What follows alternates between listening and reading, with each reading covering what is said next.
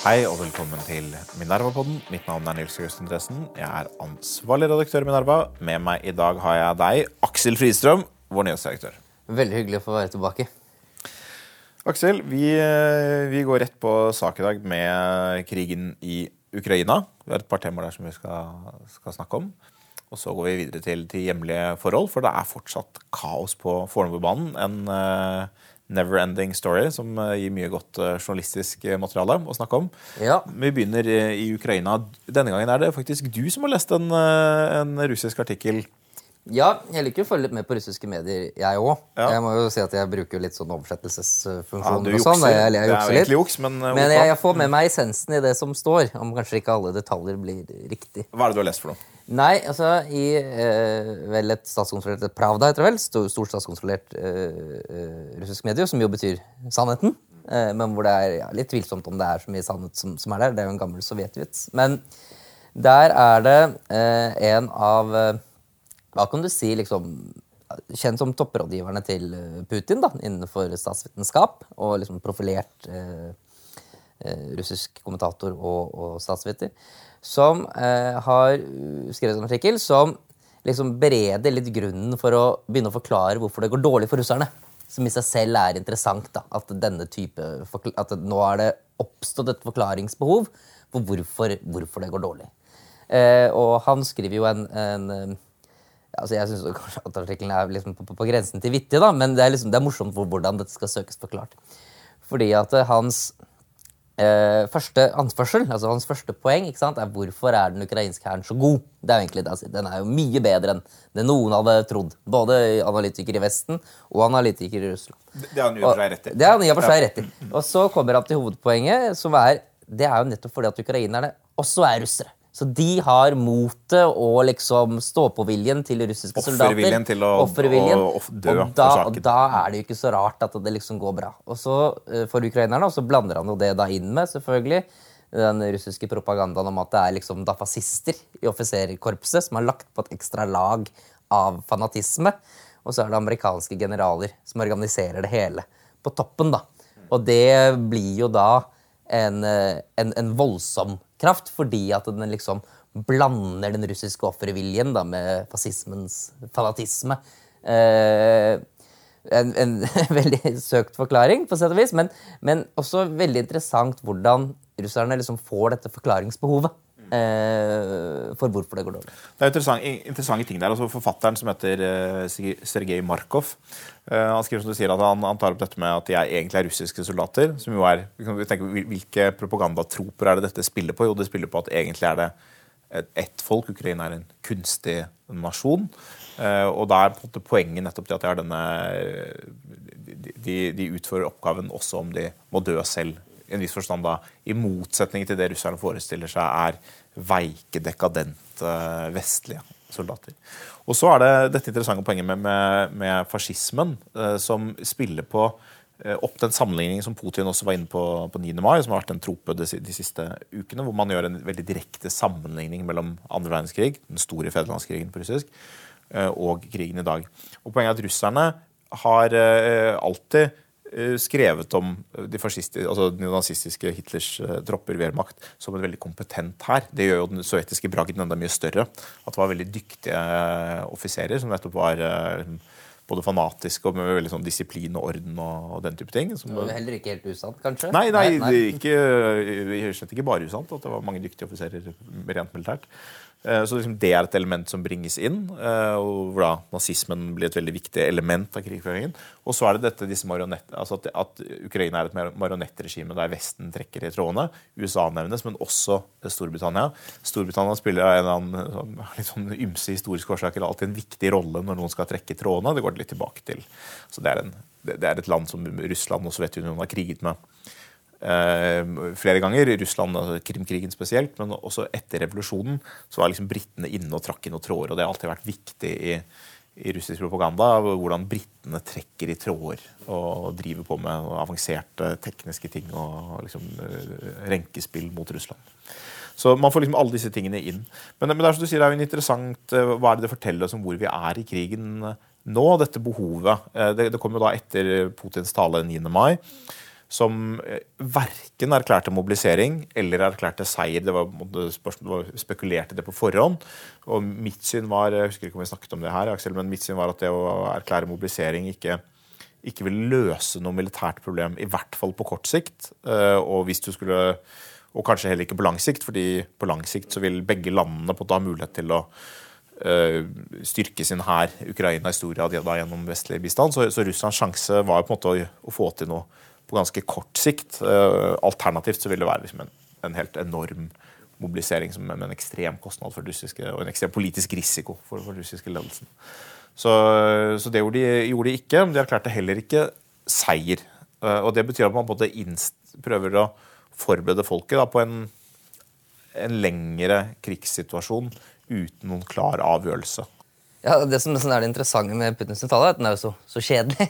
Eh, hvis du hadde uh, bare gått, går gjennom den talen og bare stryker ikke så veldig mange setninger, så vil du nesten sitte igjen med en tale som kunne vært holdt for ett eller to år siden. For den har såpass lite referanser egentlig til den kritiske situasjonen som Russland er i, og hva de, skal gjøre med den.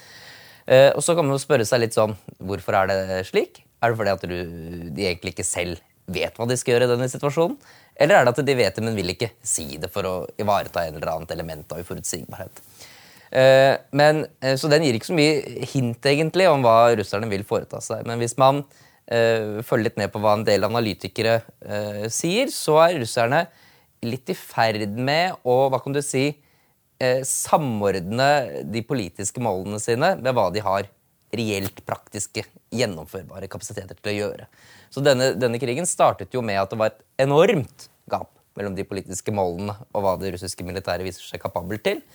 Eh, og nå går det nok inn i en fase der hvor de politiske målene nedjusteres veldig veldig, veldig betraktelig. Det har gradvis vært nedjustert hele tiden. Eh, men hvor det kanskje også vil komme til det målet at eh, russerne egentlig bare vil bite seg fast der de er. Og, og for, egentlig slutte å gjøre flere offensive operasjoner. Den gode nyheten med det selvfølgelig er jo at en del ukrainske områder da vil være betraktet som mer trygge. Men den dårlige nyheten i en sånn vurdering er jo at eh, russerne potensielt kan bli veldig mer, mer kapable hvis de slutter med, med, urealistiske ambisjoner for hva militæret deres skal utrette. Og hvis det bare handler om å bite seg fast, så er det jo en annen situasjon eh, der hvor de kan påtvinge ukrainerne mye større tap hvis de ønsker å, å ta ut russiske stillinger eller soldater. Altså, det, vi er absolutt i en krevende fase. Jeg tror vi snakket om det for, for noen uker siden. at det, det vil være Eh, det, det var på en måte, da, man begynte offensiven i Donbass, så var det på en måte klart at russerne vil kunne holde på med en offensiv eh, i noen uker, en måned. Det vil si omtrent frem til eh, nå, en ukes tid til kanskje. Hvor, eh, hvor det er, er, mulig uten at man må, må, må, få inn mye større styrker, som man per i dag ikke har. Eh, og Samtidig så er det da det tidsvinduet eh, før ukrainerne får flere og bedre styrker Eh, våpen med lengre rekkevidde og større slagkraft, som gjør at eh, en ytterligere fremrykning vil bli veldig vanskelig. Og Vi har begynt å se tegn til at denne offensiven stopper helt opp. Altså, det, har ikke vært store fremrykninger den siste måneden, det hele tatt, men det har, vært, det har vært fremrykninger i områder rundt uh, Izium. Det har vært noen fremrykninger i Luhansk og Donetsk, men de begynner å stoppe. og De har kommet til denne elven som det har vært mye snakk om nå de siste dagene. og Det ser ut som om, om det vil bli krevende for dem å krysse denne elven, Severodonetsk. Uh, og det er på en måte i tråd med det som egentlig mange analytikere uh, spådde uh, for, en stund siden. At det, det, ser ut som de vil prøve denne offensiven, men det er lite trolig at de vil komme veldig langt. Det er lite trolig at de vil lykkes med en knipetangsmanøver. De har ikke tilstrekkelige styrker. De, de, har ikke styrker til noen landsetning mot Odessa eller den type ting. Men det betyr altså at, de bli, at de, de offensiven stopper opp omtrent der den er. Men det skaper en krevende situasjon, fordi hva skal Ukraina da gjøre? Russland besitter jo allikevel mye mer land enn de gjorde før krigen begynte. Og mye mer enn det eh, Ukraina politisk sett kan godta. Ikke minst etter den krigen som har vært, og etter de massakrene som har vært, og, og den våpenhjelpen Ukraina har fått, så er det krevende for Ukraina politisk nesten umulig for dem å, å leve med denne situasjonen. Og det er en forventning i Ukraina om at man vil begynne å reokkupere eh, eller så, ta tilbake områder. Det, har man jo også gjort noen steder. En ting er selvfølgelig områdene der hvor russerne trakk seg ut, rundt Kiev og, og sånn. Men man har, man har, slått russerne tilbake, spesielt i området rundt Kharkov de siste, eh, de siste ukene. Men det vil være mye mer krevende å gjøre det i disse store områdene i Luhansk og Donetsk, som, som en, både de som var uh, okkupert allerede i 2014, men også de som er okkupert nå, nå nylig, fordi russerne har hatt tid til å befeste stillingene. Ja. Uh, og der logistikken for Russland er mye enklere. i disse, Det snakker om de områdene som grenser mot, mot Russland. Uh, og, og, det, og, det, er klart at det er mulig å føre offensiv krigføring, og Ukraina har vist at de, de kan gjøre det. Men det, er, det, det vil gi, kan gi store tap. Uh, hvis, med mindre den russiske hæren kollapser og, og faller fra hverandre, så kan de gi veldig store tap. Og det, det er risikabelt. og det kan hende ikke føre frem. Altså I Lugansk og Donetsk så har jo russerne egentlig vært siden 2014. Det kommer litt an på hvordan du, du velger, ja, altså, velger, å regne. Men, deler av oblastene, men, men, men, ikke hele. Men uh, det som også er tilfellet der, er at der var jo russerne til stede med en eller annen form for separatiststyrke som kjempet en krig mot ukrainerne, hvor det ikke var åpenbart at disse separatistene egentlig var den sterkeste parten. Så det har de befestet veldig sterkt. fordi at de i utgangspunktet for den forutgående krigføringen er det ikke opplagt at de er den sterkeste parten. Så det er masse festningsverk. I eh, Kherson så har jo russerne nå vært en god stund, så de kan ikke bygge helt enorme festningsverk, men du kan befeste et sånt område veldig mye. Og det er jo i tillegg en dimensjon med urban krigføring som vil gjøre det potensielt veldig komplisert og vanskelig å vite hvordan man skal gå frem. Eh, og så gjenstår det jo å se eh, hvorvidt si russiske styrker har holdt jeg på å si, moralen til å eh, befeste og holde en sånn festning, en sånn pinnsvinstilling, som det heter. Det vet man jo ikke før man har prøvd. Men dette er potensielt sett en, en, en veldig annerledes dynamikk også for, for ukrainerne. Fordi at eh, det å, å, slå ut russiske styrker som har befestet seg, kontra de som forsøker å krysse, gjøre en risikabel brokryssing ved en improvisert bro. Det er to ganske forskjellige operasjoner. Det er to veldig forskjellige operasjoner, og det, og det, det blir en diskusjon som vi har i Vesten også, hvordan vi over tid forholder oss til dette. Hvis vi nå se for oss at denne konflikten kan fryses litt fast. At det blir en, eh, ikke akkurat, det blir ikke en våpenhvile, men det blir en, eh, en, frontlinje som ikke beveger seg noe særlig, men som heller ikke nødvendigvis er fredelig. Hvordan, og, og hvor, eh, hvor, den frontlinjen ikke enkelt kan aksepteres som en ny politisk realitet. Det skaper en veldig krevende situasjon som jeg tror det krever stor, stor statsmannskunst både, både, i Vesten og Ukraina å komme seg gjennom. Um, og man ser jo at Retorikken på ukrainsk side de siste ukene har blitt mye tydeligere på at russerne skal ut uh, ikke bare av Donbass, men også av Krim. Krigen er ferdig når, når Krim igjen er ukrainsk. Liksom, har vært spesielt den siste uken eller to.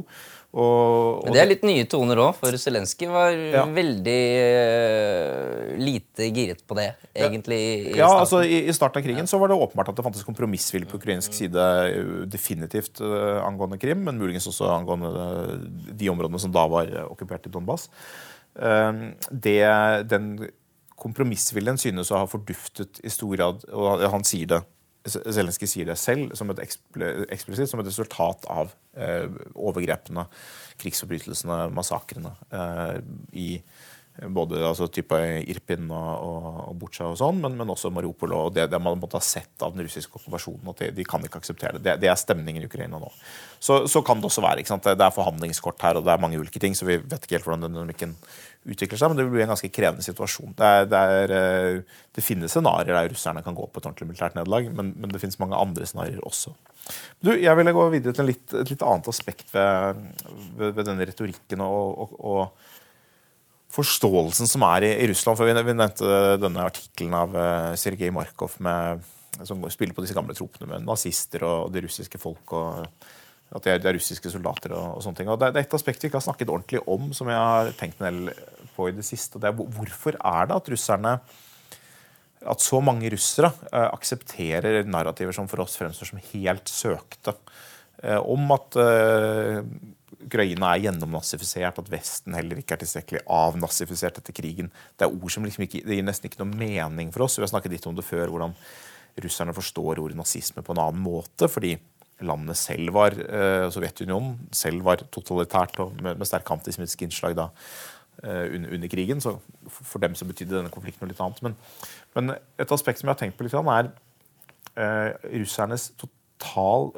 mange russeres totalt manglende evne til å forstå hvordan historien om Russland ser ut for Russlands naboer.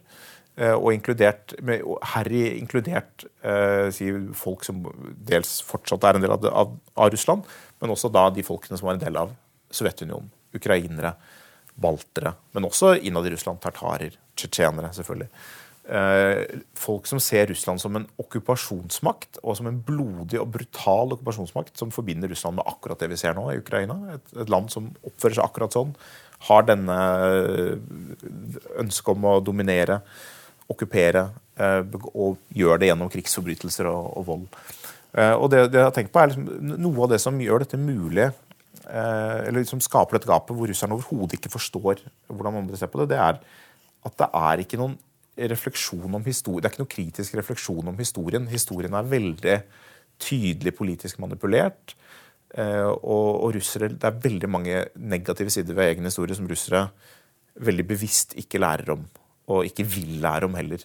Så alt fra sånn massakren i Katyn under annen verdenskrig til Stalins uh, brutalitet, etnisk rensning, folkeforflytninger, uh, den type ting. Holodomor, altså utsultningen av Ukraina på 30-tallet alle disse tingene.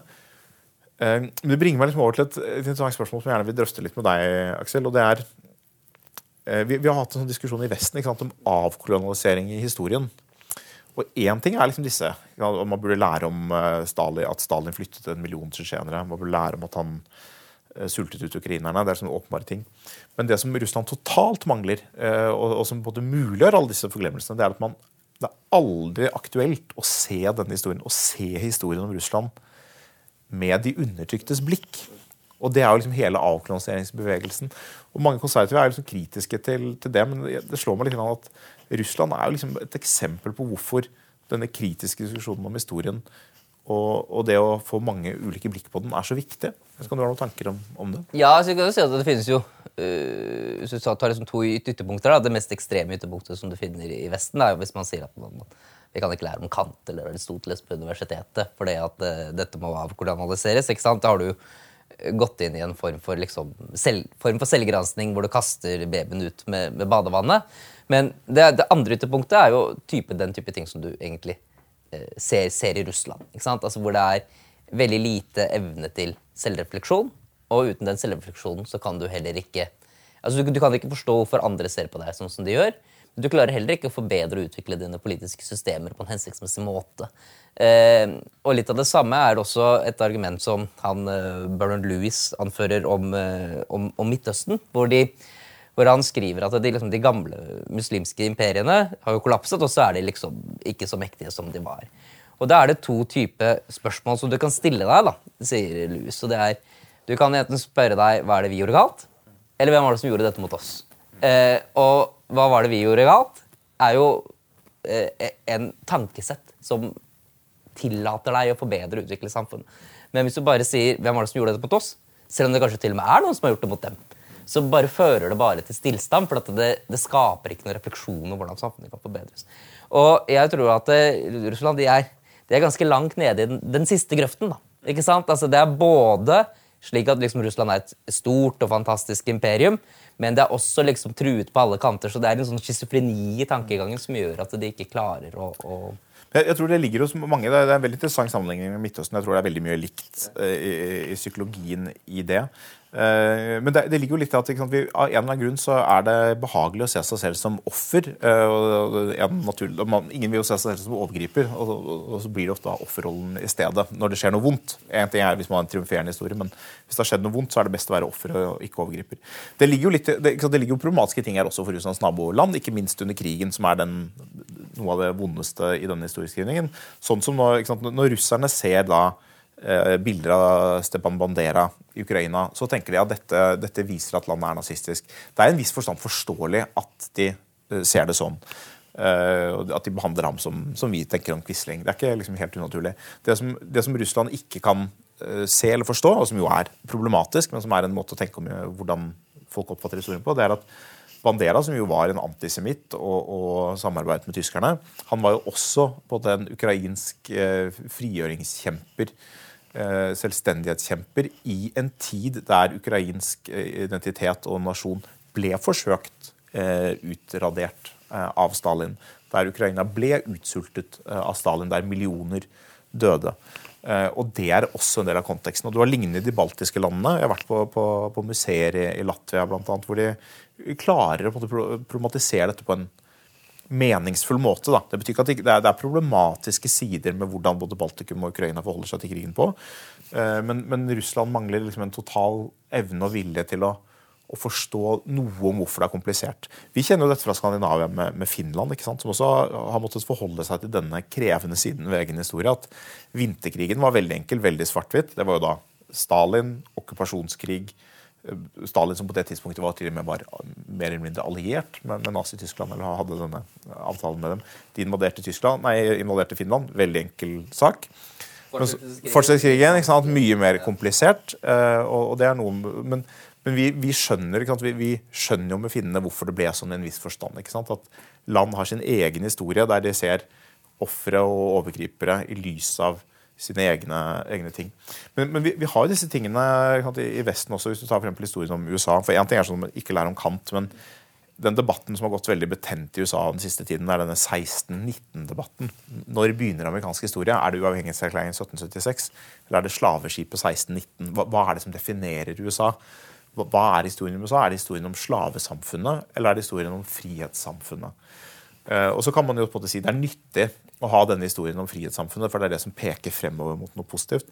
Og så sier en del svarte amerikanere for oss så er det veldig viktig, veldig viktig at dere erkjenner at en så stor, andel, en så stor del av det politiske USA har vært historien om slavesamfunnet. Og, og det er, det jo, her finnes jo ikke alltid fa, det jo ikke et historisk fasitsvar, for man kan være enig om faktum, på en måte, men uenig om hvilken historie man forteller. Det, det handler jo også om hva er, det du, hva er det som står på plass pole position, da. Ikke sant? Er det frihets... Eh, er det grunnlovserklæringen, eller er det ankomsten av, av det første slaveskipet? ikke sant? Og det som eh, jo ligger i denne New York Times-serien, som de liksom i, i, realiteten impliserer, er at grunnleggelsen av den amerikanske staten handlet om slaveri. Eh, og det er jo helt klart at uh, slaveri er en uh, veldig viktig og veldig brutal del av amerikansk historie, men jeg tror ikke det det er ikke nødvendigvis kanskje så hensiktsmessig at det er liksom det uh, vi, vi, liksom, Nasjonen det er liksom bare en pøl av skam. da. Det er ja. egentlig liksom det du ja, ja, forsøker å Men det, det, er akkurat det, det er på en måte det jeg vil inn på. For, for det, den opplevelsen av at det er eh, jeg tror Vi alle har en veldig sterk psykologisk ønske om å se vår egen historie som noe vi kan og, og, det fellesskapet vi er en del av, se historien som noe vi kan være stolte av. Eh, og når det er vanskelig, så, så får vi et veldig forsvarsbehov, og av og til et aggressivt forsvarsbehov. Utfordringen er selvfølgelig at samfunnet består av mange grupper eh, som har, kan ha ulike psykologiske behov. med dette med hvem som er offer og hvem som er overgriper. Sånn for en del svarte amerikanere så er det de må også forklare hvordan de havnet i sin situasjon. Og da, da, kan ikke denne historien om samfunnet bare være en sånn frihet- og fremgangshistorie. Det må også være en historie med noen hvor det er mange overgripere. for å si det sånn. Så det, det er både en av utfordringene. Samtidig så trenger jo nasjoner å fortelle en historie om seg selv som kan samle dem. Og det er, jeg tror det er en viss forstand Russlands problem. som et, Russland er en slags ikke de, de, har ikke anerkjent seg selv, forstått seg selv ordentlig som en kolonimakt, mens de egentlig også har, har vært det. Og det som skjer er at Du, du erobrer land, eh, erobrer territorier, og så er det nye folkegrupper der som du på en eller annen måte forsøker å assimilere eller integrere inn i staten. av det undertrykket, assimilere, integrere, litt avhengig. Og så prøver du å fortelle en eller annen historie som er felles. Og, og Putin bruker veldig ofte ordet 'vårt mangenasjonale folk', f.eks. Og det er i et visst forstand, visst forstand et forsøk på en nasjonsbygging. Da, å si dette er det russiske folk. Og så er utføringen at du har en rekke grupper i det samfunnet både innad i Russland, men også da i det tidligere Sovjetunionen, som, som ikke kan gå med på den fortellingen fordi deres historie blir visket ut. Og det, og det er på en måte dilemma for, for, veldig mange samfunn. Mindre grad for Norge, som er et lite, ganske homogent land uten altfor mye brutalitet i, i fortiden. Men, men, for mange land er dette en, liksom, det er en veldig stor utfordring. Ja, og Særlig kanskje for Ukraina i særdeleshet, ja, ja. som øh, hører hjemme i Putins multikulturelle imperium, men som eh, fra ukrainernes perspektiv betyr at de forsvinner som folk. Og det, og det var jo på en måte hele, hele Zelenskyjs 9. mai-tale en ekstrem kontrast mellom Putins veldig, veldig bitre tale, veldig mye fokus på alt USA hadde gjort galt, og, og sånn, og Zelenskyjs tale som, som, nettopp sa det at det Russland hater, er eh, at vi ikke er dem, at vi, er et, eh, at vi velger vår egen vei, at vi er et fritt folk. De prøver å viske ut Ukrainas historie, men vi her er vår historie, vi skal fortelle vår historie selv. Det er liksom Ukrainas budskap. Og det, det er en uforenlig ting. ikke sant? Og det er, det er, det er alltid en ekstremt krevende ting. For hva, hva, er det som konstituerer en nasjon? Hvordan er det man bygger en nasjon? Hva er, en, uh, hva er det som utgjør uh, den nasjonale enheten? Uh, og jeg tror at det er En grunn til at det er veldig vanskelig i Russland, er at det, for det har alltid vært altså det, har alltid vært en veldig vanskelig historie. Veldig blodig og voldelig og kolonialistisk historie på mange måter. Og så har det alltid vært et veldig autoritært samfunn.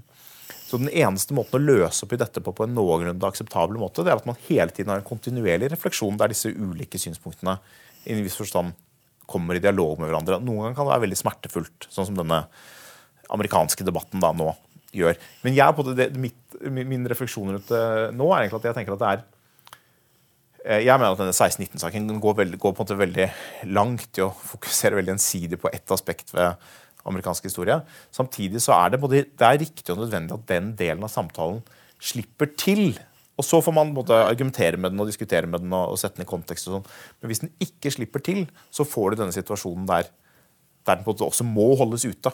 At det blir veldig farlig. Altså, det blir mye bedre å ha en løpende selvgranskende eh, diskusjon. Selv om den diskusjonen gjerne kan bære galt av sted, og at det gjøres feil i debatten, og du gjør dårlig, kanskje gjør noen dårlige vurderinger. Men det blir bedre å ha den prøv og feil-tilnærmingen til ting enn å ikke prøve å feile i det hele tatt. Ja, så og nå- da blir du fastlåst. da. Det tror jeg liksom er litt av russernes Nå fremsto du plutselig som woke, Aksel. Vi får håpe lytteren ikke, ikke hørte det. Ja, du får, Vi får ha en sånn anti-woke-podkast neste gang, kanskje. Neste gang. Du, eh, vi går videre. Vi, vi må, må hjem til kommunalpolitikken. Det, er, det skjer ting i Oslo også. Vi kan ikke la oss på at begrave av internasjonale hendelser. Vi, Ikke like viktig som krigen, kanskje, men vi fortsetter vår saga om Fornebubanen, for du har laget flere saker om dette nå. Det, det skjer ting eh, i Fornebubanen. Hva skjer? Ja, altså det som eh, Nå er jo, kan man nesten gå en, en måned tilbake, men eh, det begynner jo med at eh, politikerne i Oslo og Viken har forhandlet på nytt. Reforhandlet Oslopakke 3. Og eh, skrevet en avtale med en veldig rar formulering, hvor de sier at de tar høyde for at Fornebubanen bygges. Og så sier de men det må bli mye billigere, eller den type ting. Og så har de jo samtidig tatt ut deler av bevilgningene til å i, realiteten bygge, bygge banen, fordi at de eh, vil ikke oppgradere eller bygge ny Majorstuen stasjon, eh, som egentlig tidligere var betraktet som en slags forutsetning for å gjøre dette, fordi at den uten en ny stasjon så blir den stasjonen en flaskehals i systemet når det føres flere linjer inn. Og, og Bakgrunnen for at jeg ville gjøre disse kuttene, er altså at hele Fornebubanen er blitt veldig veldig, veldig, veldig mye dyrere enn tidligere forutsatt. Ja, altså med den- nye, stadig nye kostnadsoverskridelser, nå rundt 30 milliarder kroner. Ja, altså nå, Det kommer litt an på hvordan du regner, men det siste uh, kvalitetssikringsanslaget sier noe sånt som 23 milliarder, men da mangler du uh, penger til altså de mangler penger til å bygge denne nye Majorstuen stasjon. De har ikke mange nok penger til å kjøpe vogner. uh, mange nok vogner, Så de mangler ni vogner eller sånn for å drifte dette optimalt. Eh, og så sier jo politikerne i tillegg at de forventer at kostnadsprofilen ytterligere skal reduseres, når de allerede har et, vedtatt en pakke som ikke inkluderer og sømløst inkluderer banen, og inkluderer ikke mange nok vogner. Eh, så det er liksom som om du skulle planlagt en slags eh, måneekspedisjon, da, som jo er en ganske kostbar affære.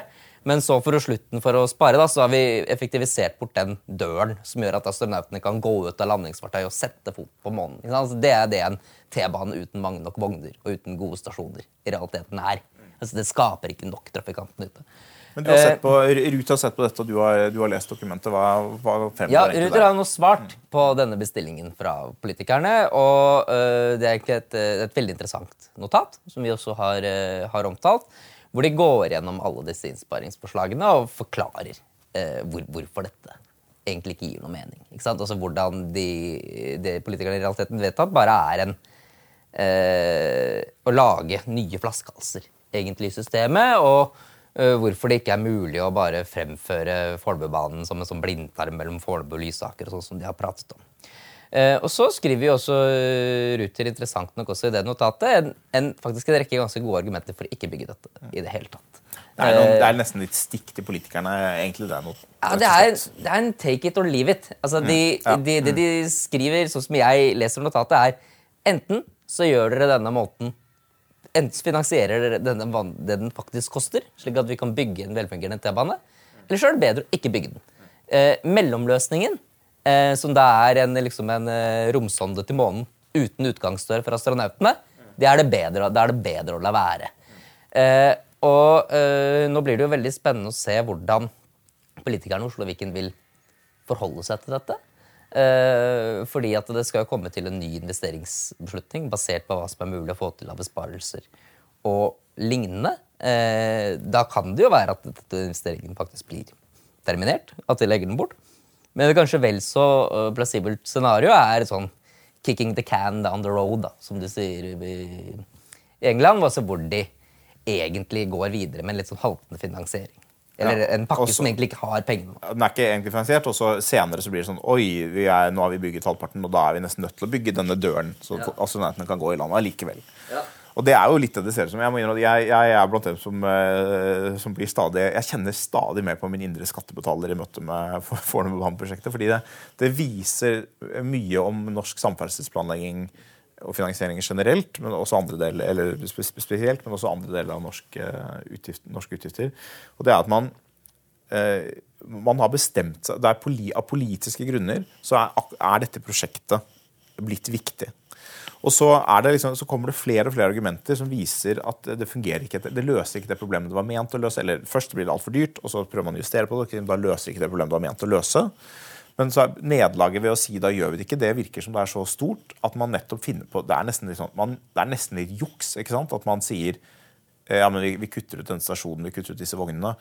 eh, hvor, hvor alle skjønner at på et eller annet punkt så, altså, det, løsningen blir da så dum. Det er mulig at, altså, Enten så blir løsningen så dum at det er en skandale, eller så blir den så dum at vi senere er nødt til å, å betale for at den ikke skal være så dum. Ja. Og det jo Og så er det kanskje litt Og, og begge, begge, begge de motivasjonene kan jo også finnes Ja. i, blant de som forhandles. også. Ja.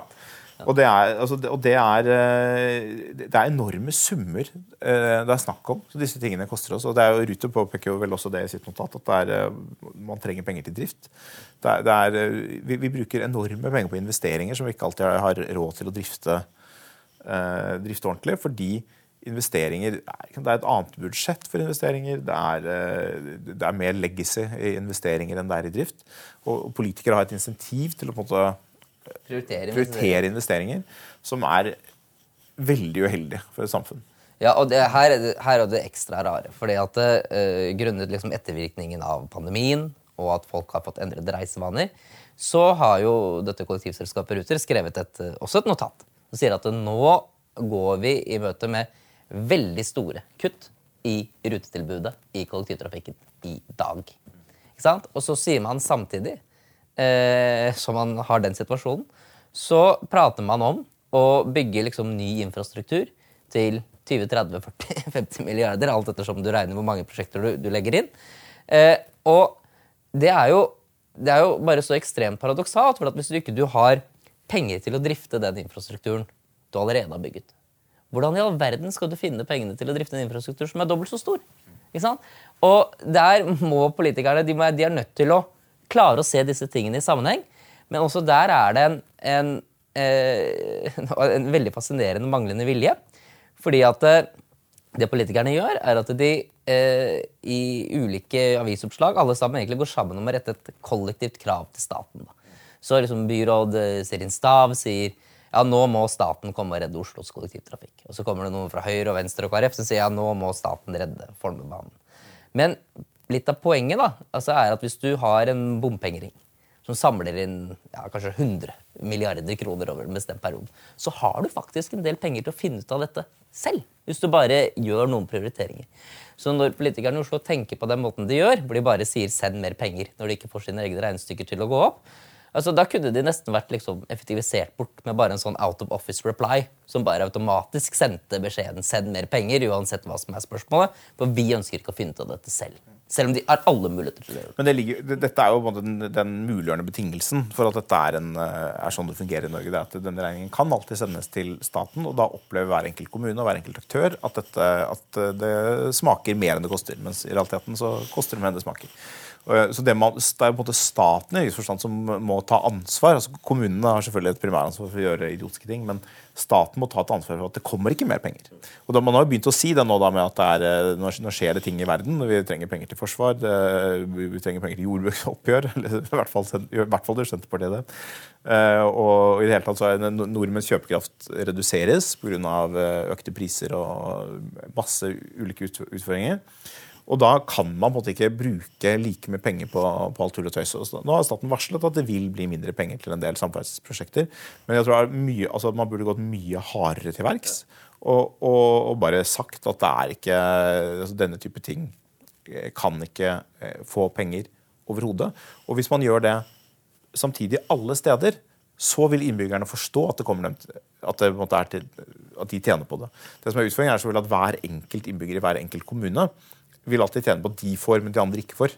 Ja, ja, så Og- blir, men Du så kan gjøre det rettferdig å si at ingen får. Ja, så lenge alle tror at penga fins, så, så er insentivet for alle til hele tiden å prøve at alle får. Og så blir summen dårlig.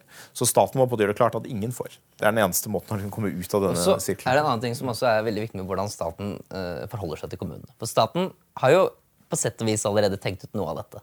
Så hvis du lager et ordinært kommunebudsjett som ikke går opp, da kommer du på det som heter som ROBEK-listen. Altså, da blir du satt under administrasjon.